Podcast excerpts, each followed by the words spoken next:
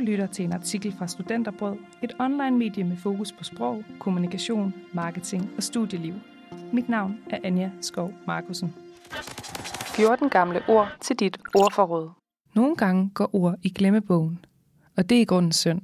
Her kommer en række glemte ord, vi synes, du skal optage i dit ordforråd. Skal du med ud og drikke pulimut i weekenden, lyder det ikke helt dårligt, vel? Fasciolog. Måske kender du allerede til en fasciolog, men ordet var gået vores næse forbi. Ordet dækker over en person, der rådgiver folk om, hvilket brillestil, der klæder dem. Så næste gang du skal prøve nye briller eller solbriller, kan du bede dine venner agere fasciologer. Spinatfugl. Dette ord betyder, på trods af dets direkte betydning, en person, der skriver anmeldelser eller andet kulturstof, uden at have en journalistisk uddannelse. Om man nogensinde lige står og mangler et ord for netop det, er måske tvivlsomt. Men måske du kan smide det som en fun fact ved lejlighed. Futil. Når noget er futilt, er det meningsløst. Der er vel ikke så meget andet at sige om det ord. Ettervader. Må ikke vi alle sammen kender en ettervader? En person, der fortaber sig ud i virkelighedsfjerne diskussioner.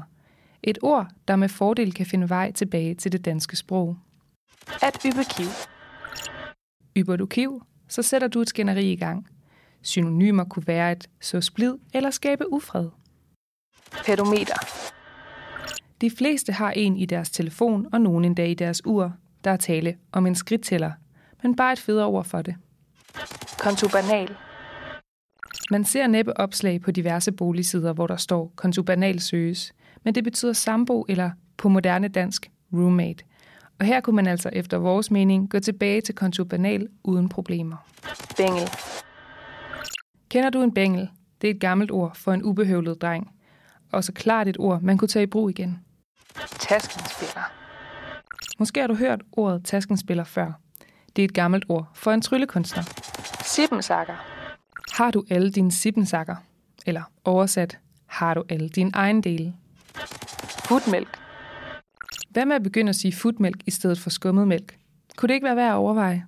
Det mener vi her på redaktionen i hvert fald. Pulimut. Når du fredag aften drikker pulimut, så drikker du alkohol af dårlig kvalitet. Det kan ikke anbefales at drikke det, men ordet i sig selv er vi vilde med. Tyromant. Både konceptet og ordet er noget, vi undrer os lidt over. Men derfor skal I ikke snydes. En tyromant er, hold nu fast, en person, der spår om fremtiden ved at se på skimmel i en ost. Hvornår du kan bruge det, ved vi ikke, men nu kender du det i det mindste. Bjørnetrækker. Dette ord er måske en smule mere brugbart i hverdagen eller weekenden. Det er et gammelt slangudtryk for en fuld person. Så fik du ikke flere gamle ord i denne omgang, men vi håber, du vil tage nogle af dem i brug. Du lyttede til en artikel fra Studenterbrød. Mit navn er Anja Skov Markusen. Tak fordi du lyttede med.